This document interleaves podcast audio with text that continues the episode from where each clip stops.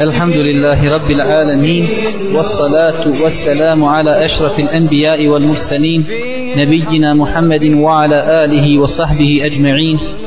رب اشرح لي صدري ويسر لي أمري واحلل عقدة من لساني يفقه قولي. اللهم علمنا ما ينفعنا وانفعنا ما علمتنا وزدنا علما. يا أكرم الأكرمين. ثم أما بعد. Braćo moja draga, kao što znate, juče smo nakon jacije namaza imali predavanje koje smo naslovili odlike ili osobenosti dana džumi. Također smo spomenuli neke od sunneta ili pohvalnih stvari koje je lijepo uraditi u toku petka dana petka ili znači prilikom odlaska na džumu toku džume večeras ćemo uz Allahovu subhanu wa ta'ala pomoć početi govoriti o propisima džume namaza ovo je znači naše prvo predavanje u serijalu emisija koje ćemo govori, u kojima ćemo govoriti na temu propisi džume namaza. Kada pogledamo, vidjet ćemo da je džuma namaz, namaz koji se ponavlja svake sedmici. Za džumu namaz su vezane mnoge odlike. Za petak također. Zato je i tekako bitno da čovjek musliman poznaje propise džume namaza, da poznaje karakteristike i odlike dana petka, da poznaje sunnete ili čak ako ima stvari koje su zabranje, kao što smo juče spominjali, znači da je pokuđeno postiti petkom, bez da čovjek posti četvrtak ili subotu sa petkom. Na samom početku, znači moramo naglasiti da je ovo ipak ovaj kurs i da ćemo malo sporije govoriti zbog one braće koji žele da nešto za, da zapišu. Kada govorimo o džumi namazu možemo kazati to kada govorimo o argumentima koji ukazuju na propisanost džume možemo kazati da islamski učenjaci imaju jednoglasan stav da je džuma namaz obavezna. Znači islamski učenjaci imaju jednoglasan stav da je džuma namaz obavezna. Spomenut ćemo ako Bog da argumente za to. Propisi džume namaza.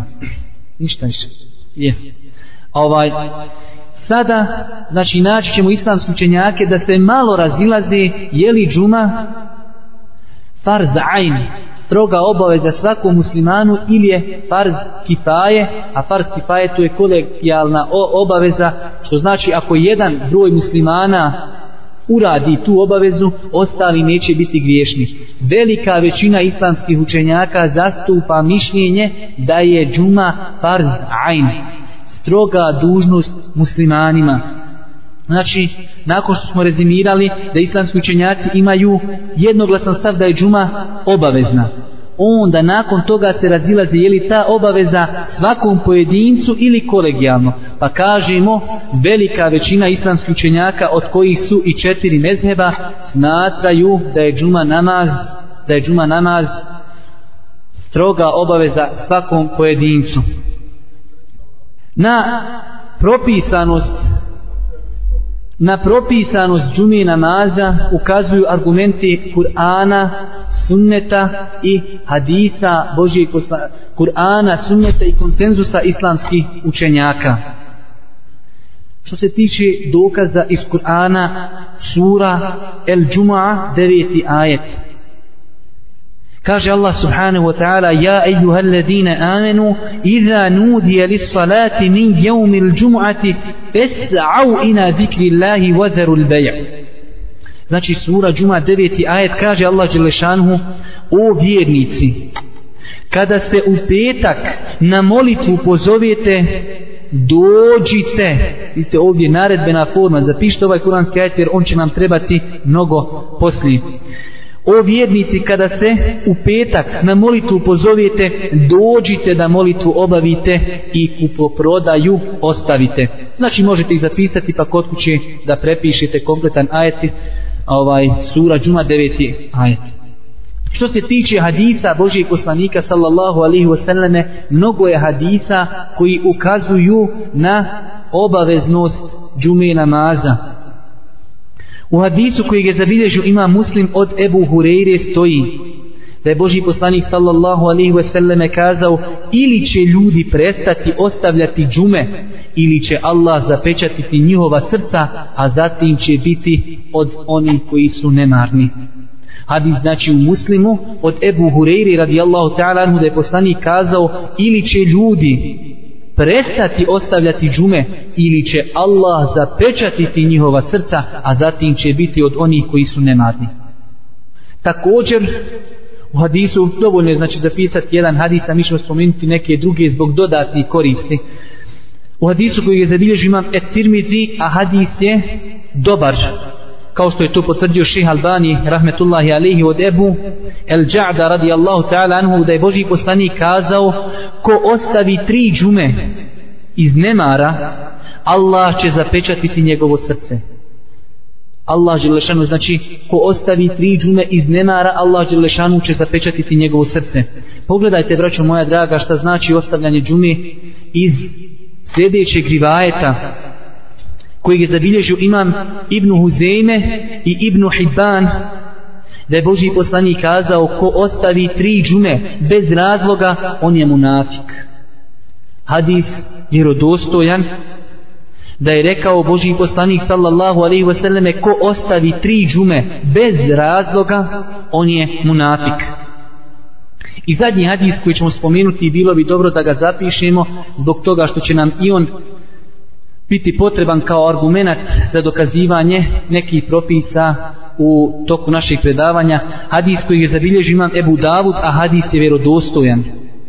Kao što je potvrdio to šeha Albani rahmetullahi alehi od Tarik ibn Šihaba da je poslanik kazao džuma je obaveza u džematu svakom muslimanu osim roba žene, maloljetnika i bolesnika spomenut ćemo još jednom hadis zbog njegove bitnosti kako bi braća koja zapisuju uspjela da zapiš, zapišu.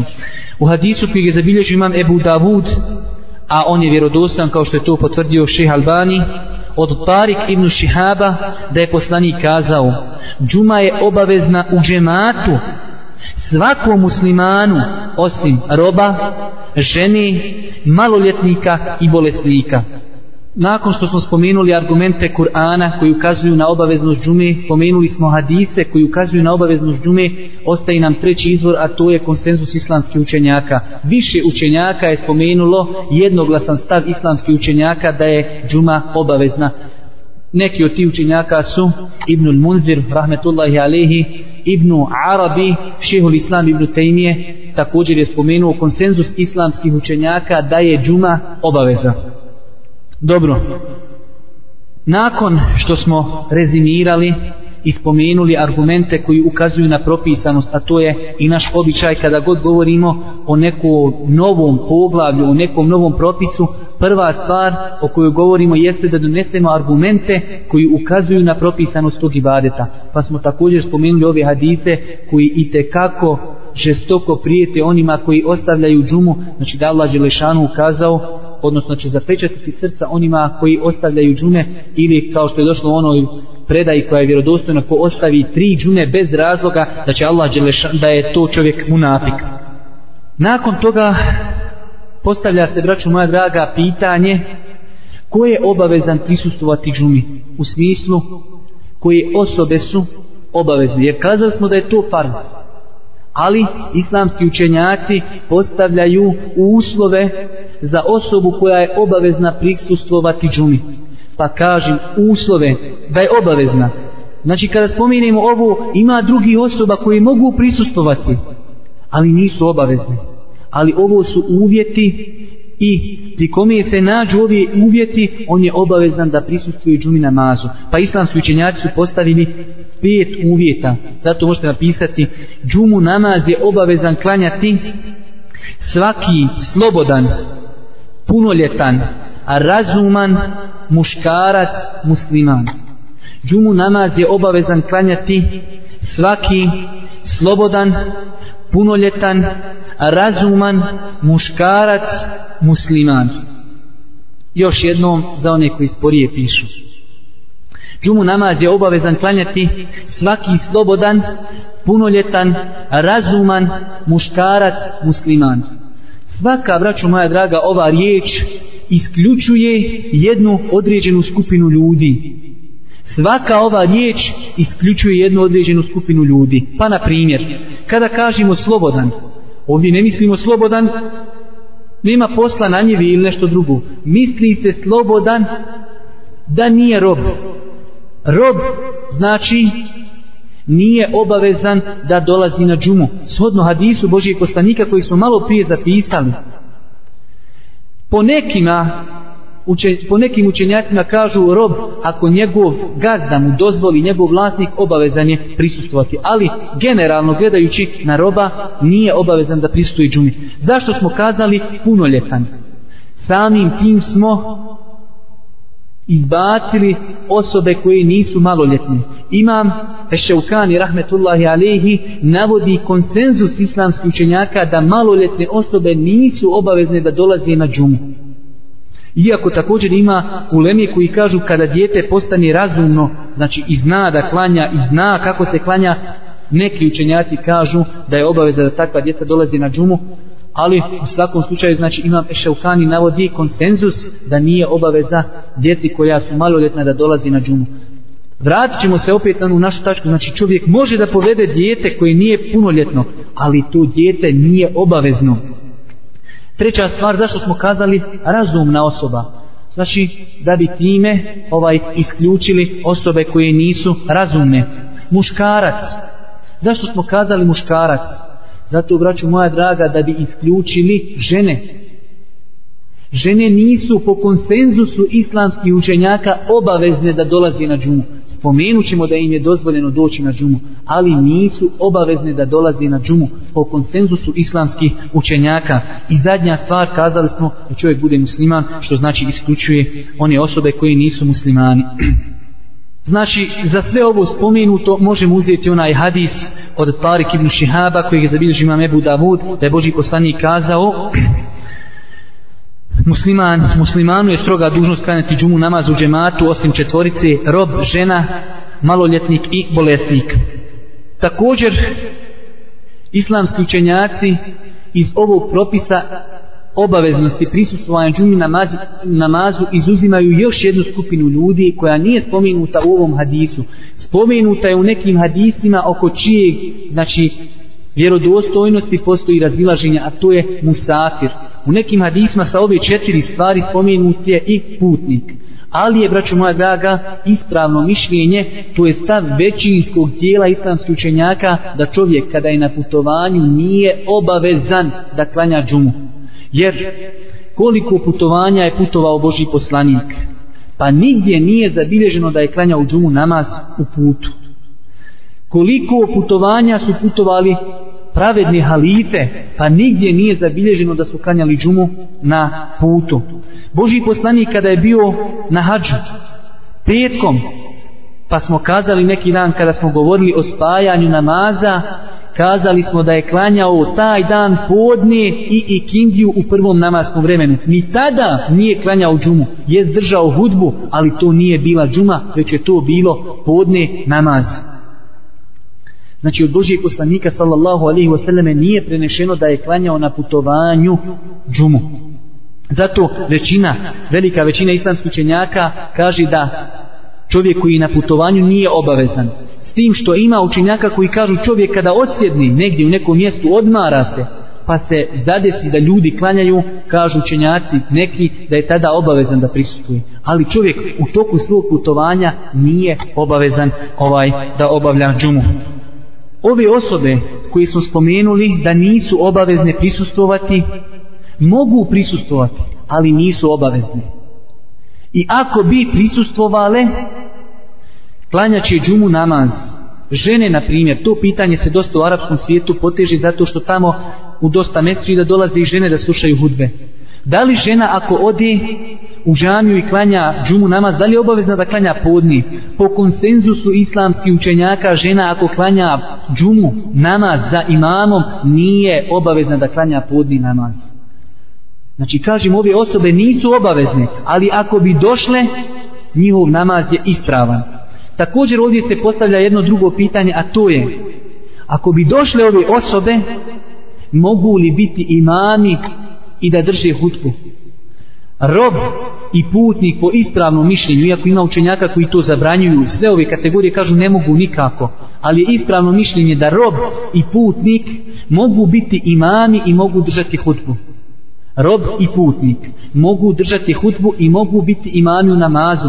Žena ne može biti imam muškarcima ni na džumi, ni izvan džumi.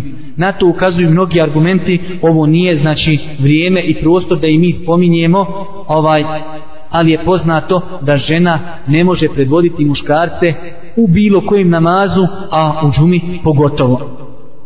Nakon što smo spomenuli, braću moja draga, ovi, da ih nazovemo skupine, koje su obavezne dolaziti i skupine koje nisu obavezne dolaziti, pa smo spomenuli ovih nekoliko propisa vezano za ove osobe koje nisu obavezne dolaziti, dolazimo do pitanja ko je obavezan prisustovati džumi namazu s aspekta udaljenosti od džamije. Znači, do sad smo govorili o svojstvima osobe koja mora prisustovati. Kome je to farz ajn? Pa smo nabrojali, znači, oni pet svojstava. I sada se postavlja drugo pitanje. Kome je obaveza da klanja džumu kada je u pitanju daljina čovjeka od džamije? Kao što imamo pitanje ko je obavezan da dolazi u džamiju klanjati u džematu. Poznato pitanje, mi smo govorili o tim pitanjima kada smo govorili o onom pitanju i držali predavanje mjesto namaza u islamu. Po ovom pitanju malo je argumenata, a mnogo razilaženja. Tako je svaki put. Kada je malo argumenata, mnogo je razilaženja. Po ovom pitanju islamski učenjaci imaju mnogo, mnogo mišljenja. Neki kažu da su obavezni doći na džumu namaz samo oni koji čuju ezan.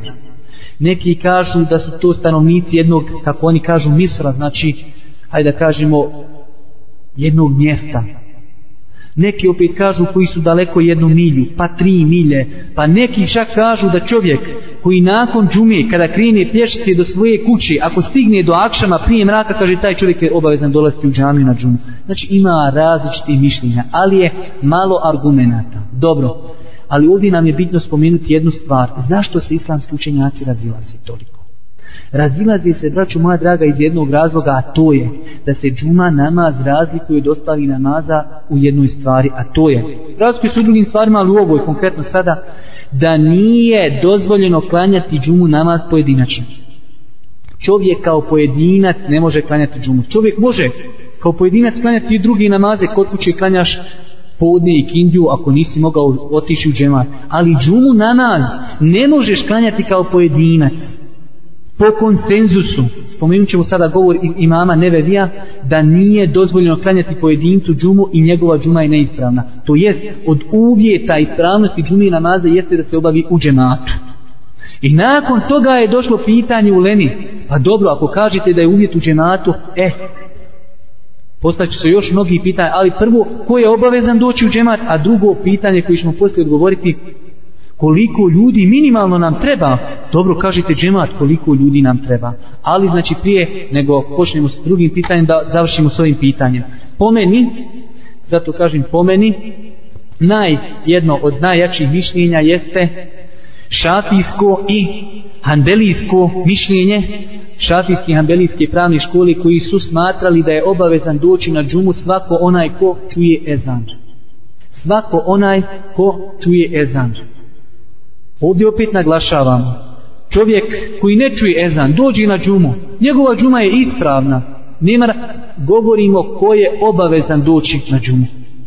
I oni sami nemaju neki jaki argumenta koji ukazuju na obaveznost dolaska na džumu osobe koja čuje ezan, nemaju jaki argumenta.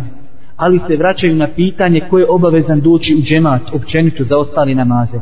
Oni imaju jedan argument koji koji je zabilježio hadis, znači imam Ebu Davud, a hadis je slab od Abdullaha ibn Amra, hadis je daif. Gdje kaže Boži poslanik, džuma je obavezna onima koji čuju ezan. Hadis znači daif. Ali ovaj hadis, njegovo značenje, pojačavaju hadisi drugi, gdje Boži poslanik, kada govori o obavljanju namaza u džematu, govori ko je obavezan da klanja u džematu. A nema ni jednog hadisa koji nam ukazuje da postoji razlika između džume i ostalih namaza u džematu. Zato možemo da koristimo ove argumente. Pa kažemo poznati onaj hadis koji je zabilježio ima muslim od Ebu Hureyre. Mi smo njega također spominjali. Kada je došao onaj slijepac Božijim poslaniku pa kaže Božiji poslaniće ja sam slijep pa nemam onoga ko će me voditi pa između moje kuće i džamije ima zvijeri pa ima na putu znači trnja i svak, svaki neki smjetnji kaže mogu li ja da ne dolazim u džemat? Kaže Boži poslanik možeš. Pa kada je se okrenuo kaže Boži poslanik etesme on ni da čuješ li ezan? Kaže čujem. Fe eđib kaže onda si obavezan da se odazoveš.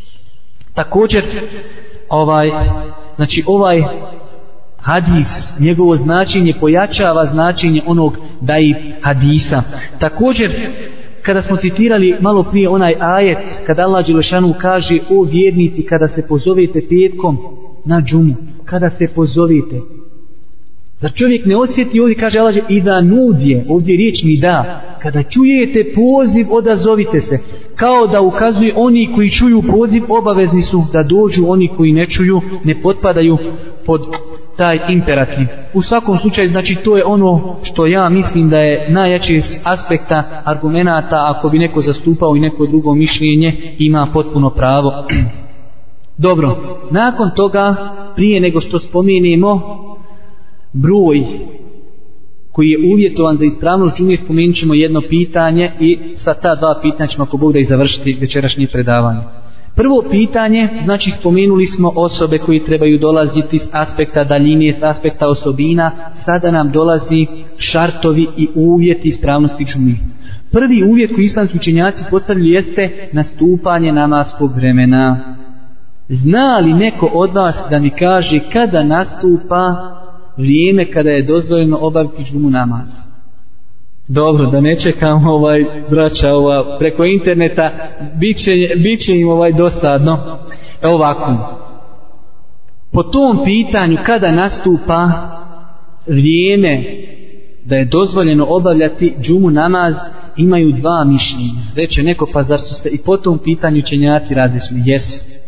Tri mezheba, tri mezheba, prva tri mezheba, hanefijski, malikijski i šafijski, prva tri u smislu, kažem, e, historijski, tako su došli poredani, prvo hanefijski, pa malikijski, pa šafijski, zadnji je mezheb bio Ahmed ibn Hanbala.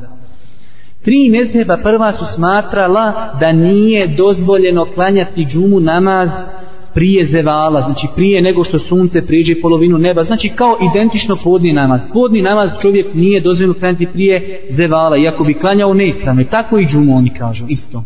Dobro nije dozvoljeno klanjati prije nego što sunce priđe polovinu neba, a to se zove u arapskom zeval. Ja sam danas tražio poseban izraz u našem riječniku i u bosanskom riječniku nema, znači posebnog izraza, izraza već se kaže kada sunce priđe polovinu neba.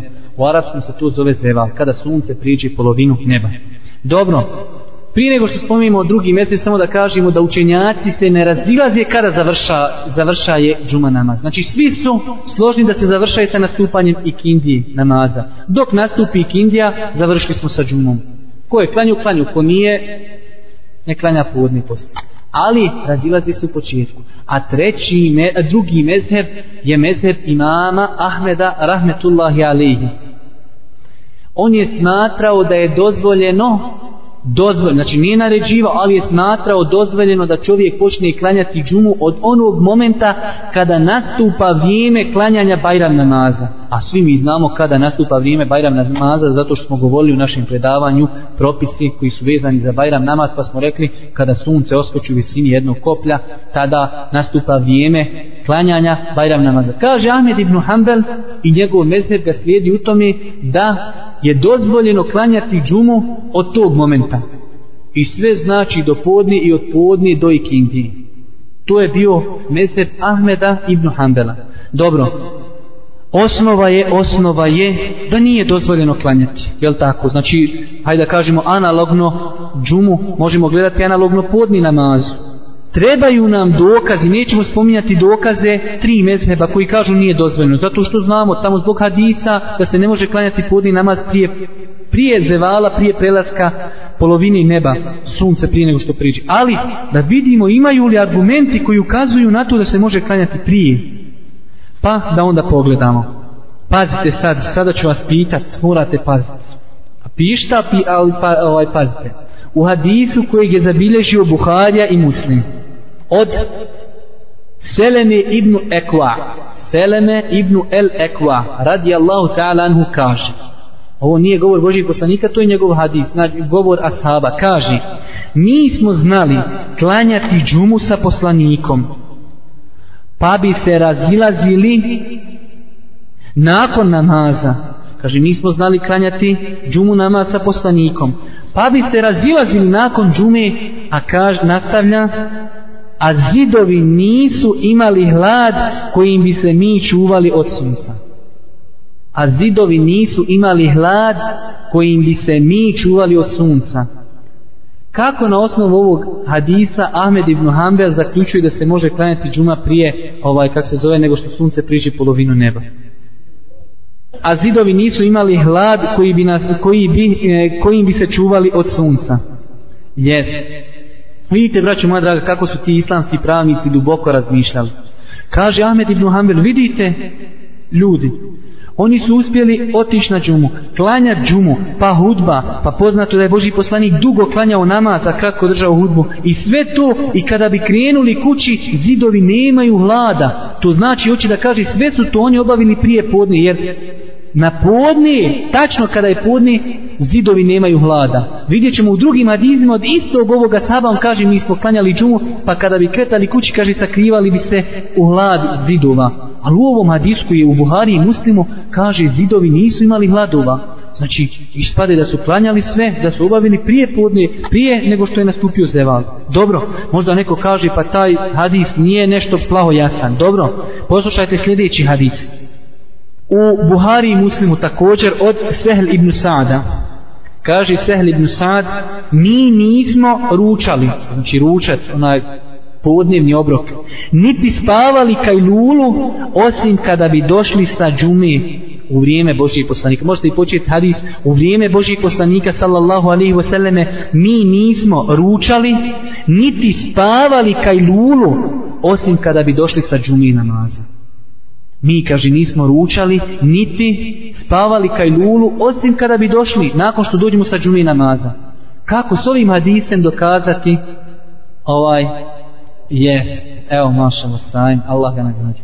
Znači, u arapskom jeziku, kada se kaže kaj lula, to podrazumijeva spavanje prije, za, prije zevala, prije nego što sunce prijeđe polovinu neba. A ovaj Asab kaže, mi niti smo ručali, niti spavali kaj lulu za vrijeme Božje, života Božjeg poslanika, osim nakon što bi došli sa džumije. Šta to znači? Prvo bi klanjali džumu, prije zevala, nakon toga bi došli kući pa bi spavali i sve bi to uradili, znači, prije zevala. Znači, ovaj hadis također je ovaj nedvosmislen. I treći hadis koji je u muslimu, od Džabira radijallahu ta'ala anhu gdje kaže Boži poslanik sallallahu alaihi wasallam bi klanjao džumu. Poslušajte kaže Boži poslanik bi klanjao džumu pa bi mi otišli do naših deva. Kaže ovaj asab mi, asab, mi bi prvo klanjali džumu pa bi otišli do naših deva koje su izlačile vodu. Oni su imali tamo deve koje su znači radile na tome kao kod nas prije što se žito ovaj radilo sa stokom ovaj Tako su oni imaju znači te sisteme da su prije sa devama izlačili vodu.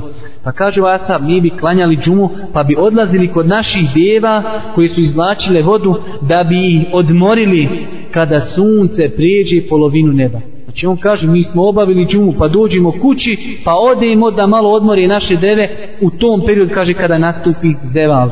Što znači da je se džuma obavljala kad? Prije nego što bi nastupao zeval. Samo ćemo ukratko spomenuti jedan argument da vidimo da je bilo i od prakse Božijeg poslanika sallallahu alaihi wasallam da je klanjao džumu i nakon zevala da su to isto prenosili ashabi.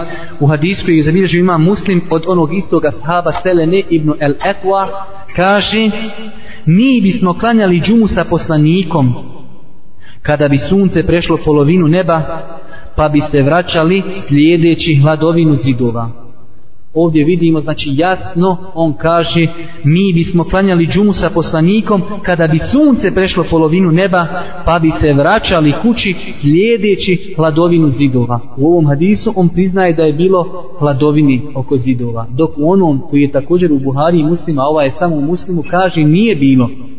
Zato braću moja draga iz spomenutog možemo rezimirati i kazati da je Boži poslanik sallallahu alaihi wasallame klanjao džumu namaz nakon što sunce prijeđe polovinu neba, ali ali je ponekad klanjao džumu i prije zevala, prije nego što sunce prijeđe polovinu neba. E, sada ćemo naći neke islamske učenjake koji, da kažemo, pomiruju između ta dva stava, kao što je bio jedan poznati učenjak koji je preselio na Ahiret prije nekoliko godina, koji se zvao El Bessam, u knjizi Teudihul Ahkam min el Bulughi il Meram kaže pohvalno je klanjati iako je on znači živio na području Saudijske Arabije gdje se praktikuje najviše hambelijski mjesec znači on je trebao da zastupa ovo mišljenje da je dozvoljeno klanjati prije ali on sam kaže pohvalno je klanjati džumu namaz kada sunce prijeđe polovinu neba. Kaže kako bi se time izašlo iz razilaženja u Leme i u tome je kaže izbližavanje muslimana a to je preče i bolje. On sam smatrao je ispravno da se klanja prije nego što sunce priđe polovinu neba zbog onih hadisa koje smo spomenuli. Ali kaže preći je da se klanja kada sunce priđe polovinu neba kako bi se izašlo iz razilaženja.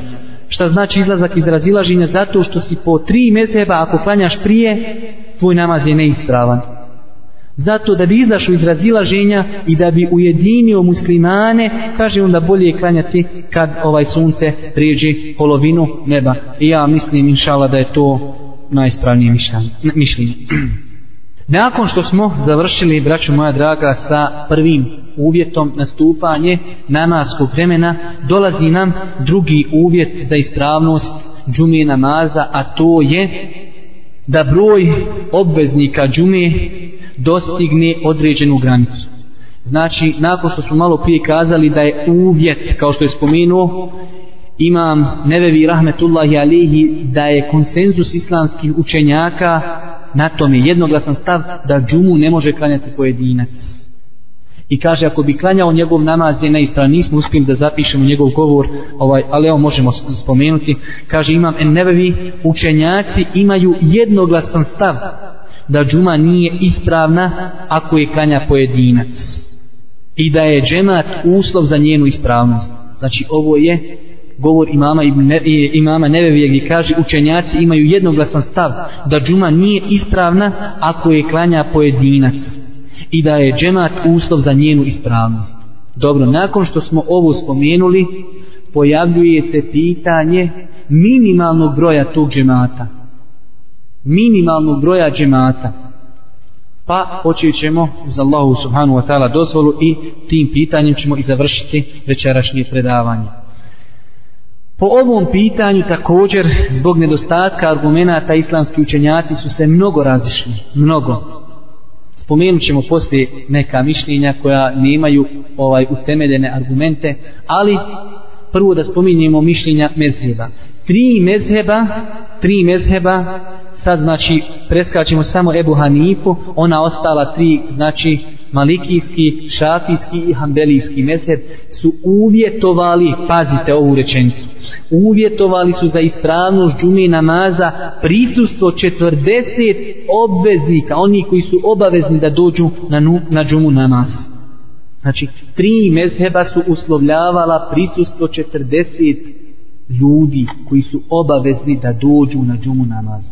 Ovdje treba paziti ovu riječ, ona je opasna, obavezni doći. 40. Zašto kažemo ovdje obavezni? Po njima, po trojci, tri ova mezheba, ako bi se desilo da dođe 39 muškaraca i dođe jedan musafir, oni kažu ne može se klanjati džuma namaz, klanja se podni. Zato oni kažu mora ima 40 ljudi koji su obavezni doći. Zato 39 da dođe oni koji su ispunili uvjete, dođe sa njima jedna žena. I ona kaže ja došla na džumu. Kažu oni, pali nam jedan čovjek, ne možemo klanjati džumu. Jer ti nisi, kaže obavezno, to što ti došla, Allah te nagradio. Ti, inša Allah, ako nam dođe 40, klanjat ćemo. Ne dođe, klanjat ćemo podni namaz. To je, braćo moja draga, malo vama sada smiješno, ali je tako, to su mezebi. Tri mezheba su smatrala da je obavezno da prisustuje za ispravnost džumije namaza 40 ljudi koji su obavezni. Ko dođe neko dobrovoljno, ne ulazi u taj broj. To je kod tim. Imaš 11 igrača na terenu, klupa koliko hoćeš. Tako oni kažu, 40 je uvjet za ispravnost. Dobro, ovdje možemo spomenuti mišljenje imama Ebu Hanife, pošto su to četiri pravne škole. Imam Ebu Hanife, vidite koliko je razilaženje, samo zato što nema argumenta jaki. Imam Ebu Hanife uslovljavao da dođe četiri čovjeka. On kaže, ako ima četiri, može.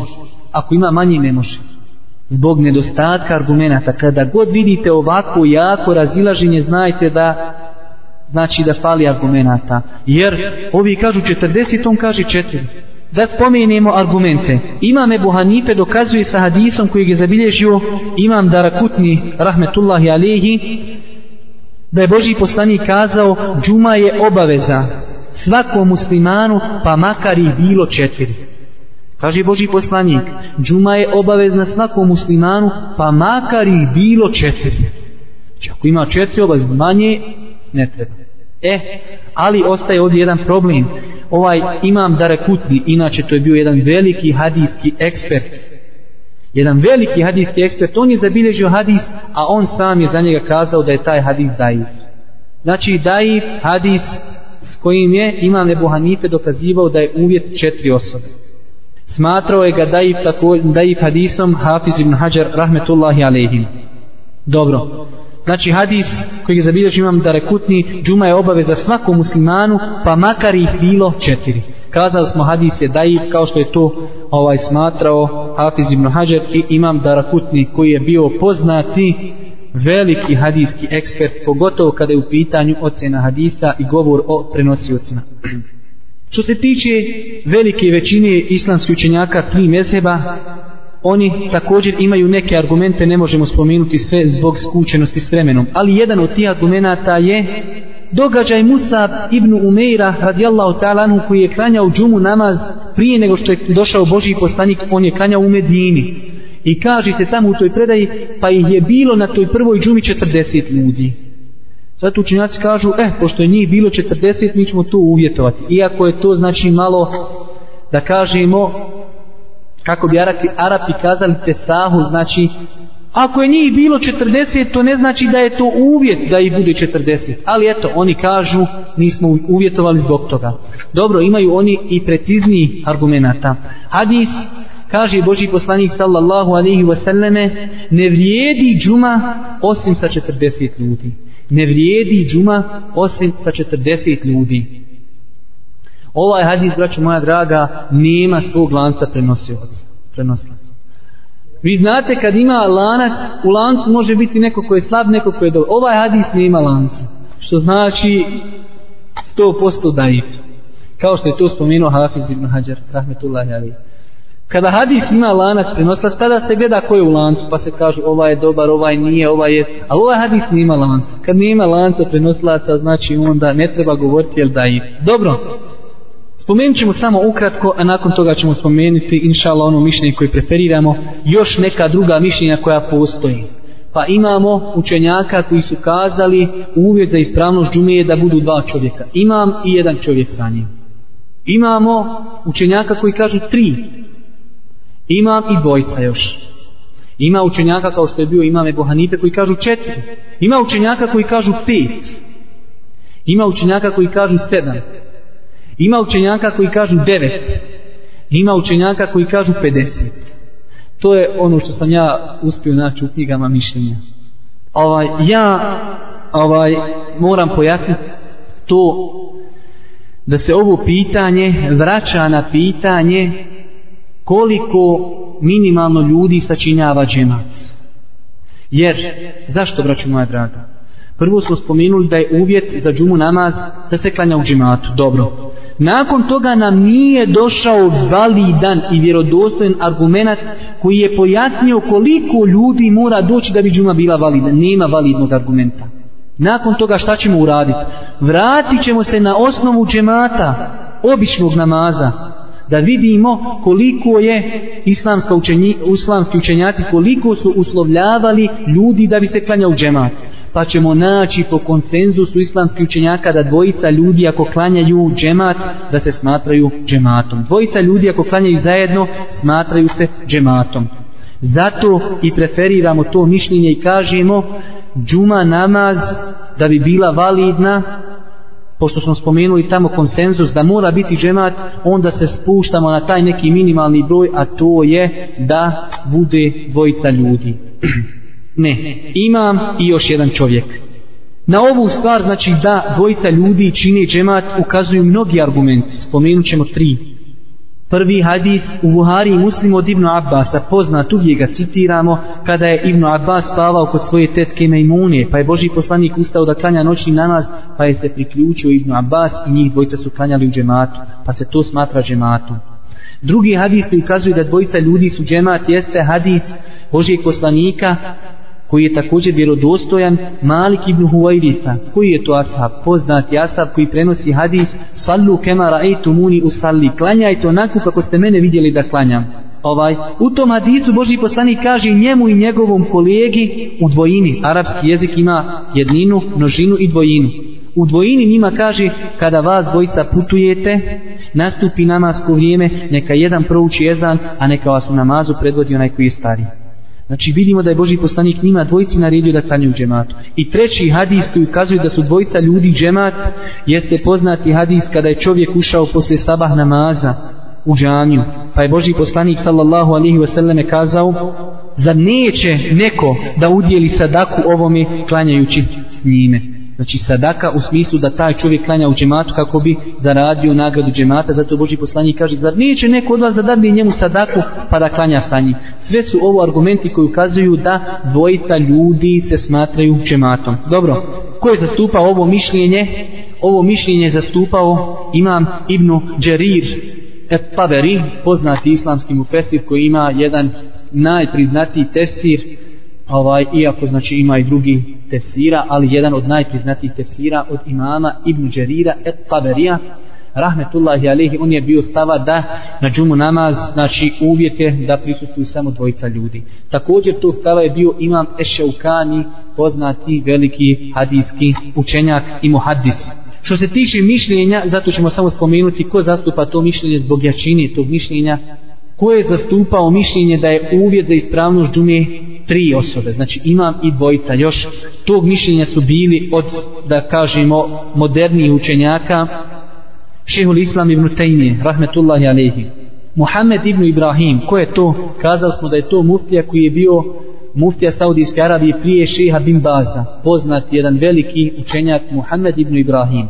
Tog stava je bio šeh bin Baz. Tog stava je stalna komisija za fetve. Tog stava od starijih učenjaka su bili Ebu Theur, Imam Euzaić, Ebu Jusuf, učenik Ebu Hanife i jedan također učen, učenjak koji je živio u ovom našem stoljeću jeste šejh Abdurrahman ibn Nasir e Sirdi rahmetullahi alihi. To su učenjaci koji su smatrali da je uvjet za ispravnost džumije ovaj tri osobe. Na kraju završimo naše predavanje da spominimo samo jedan argumentat koji ukazuje na slabost mišljenja tri pravne škole koji kažu da je uvijek 40 ljudi. Znači, iako smo mi preferirali ovo mišljenje, nismo spomenuli nešto što bi njih zasigurno mnogo moglo poljuljati. Ali ovaj argument je i tekako nedvosmislen da ovaj i jak da uslovljavanje 40 ljudi nije ovaj jako mišljenje.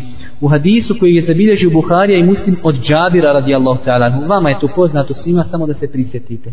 Kaže, poslanik sallallahu alaihi wasallam jednog petka je držao hudbu. Potom je pristigla karavana sa trgovačkom robom iz Šama. kaže pa se svijet pa je svijet pohitao ka njoj a sa poslanikom je ostalo samo 12 ljudi. Nigdje nije prenešeno da su se ti ljudi vratili na džumu. Ti ljudi su ostavili Božijeg poslanika na hudbi samo je ostalo sa Božim poslanikom 12 ljudi.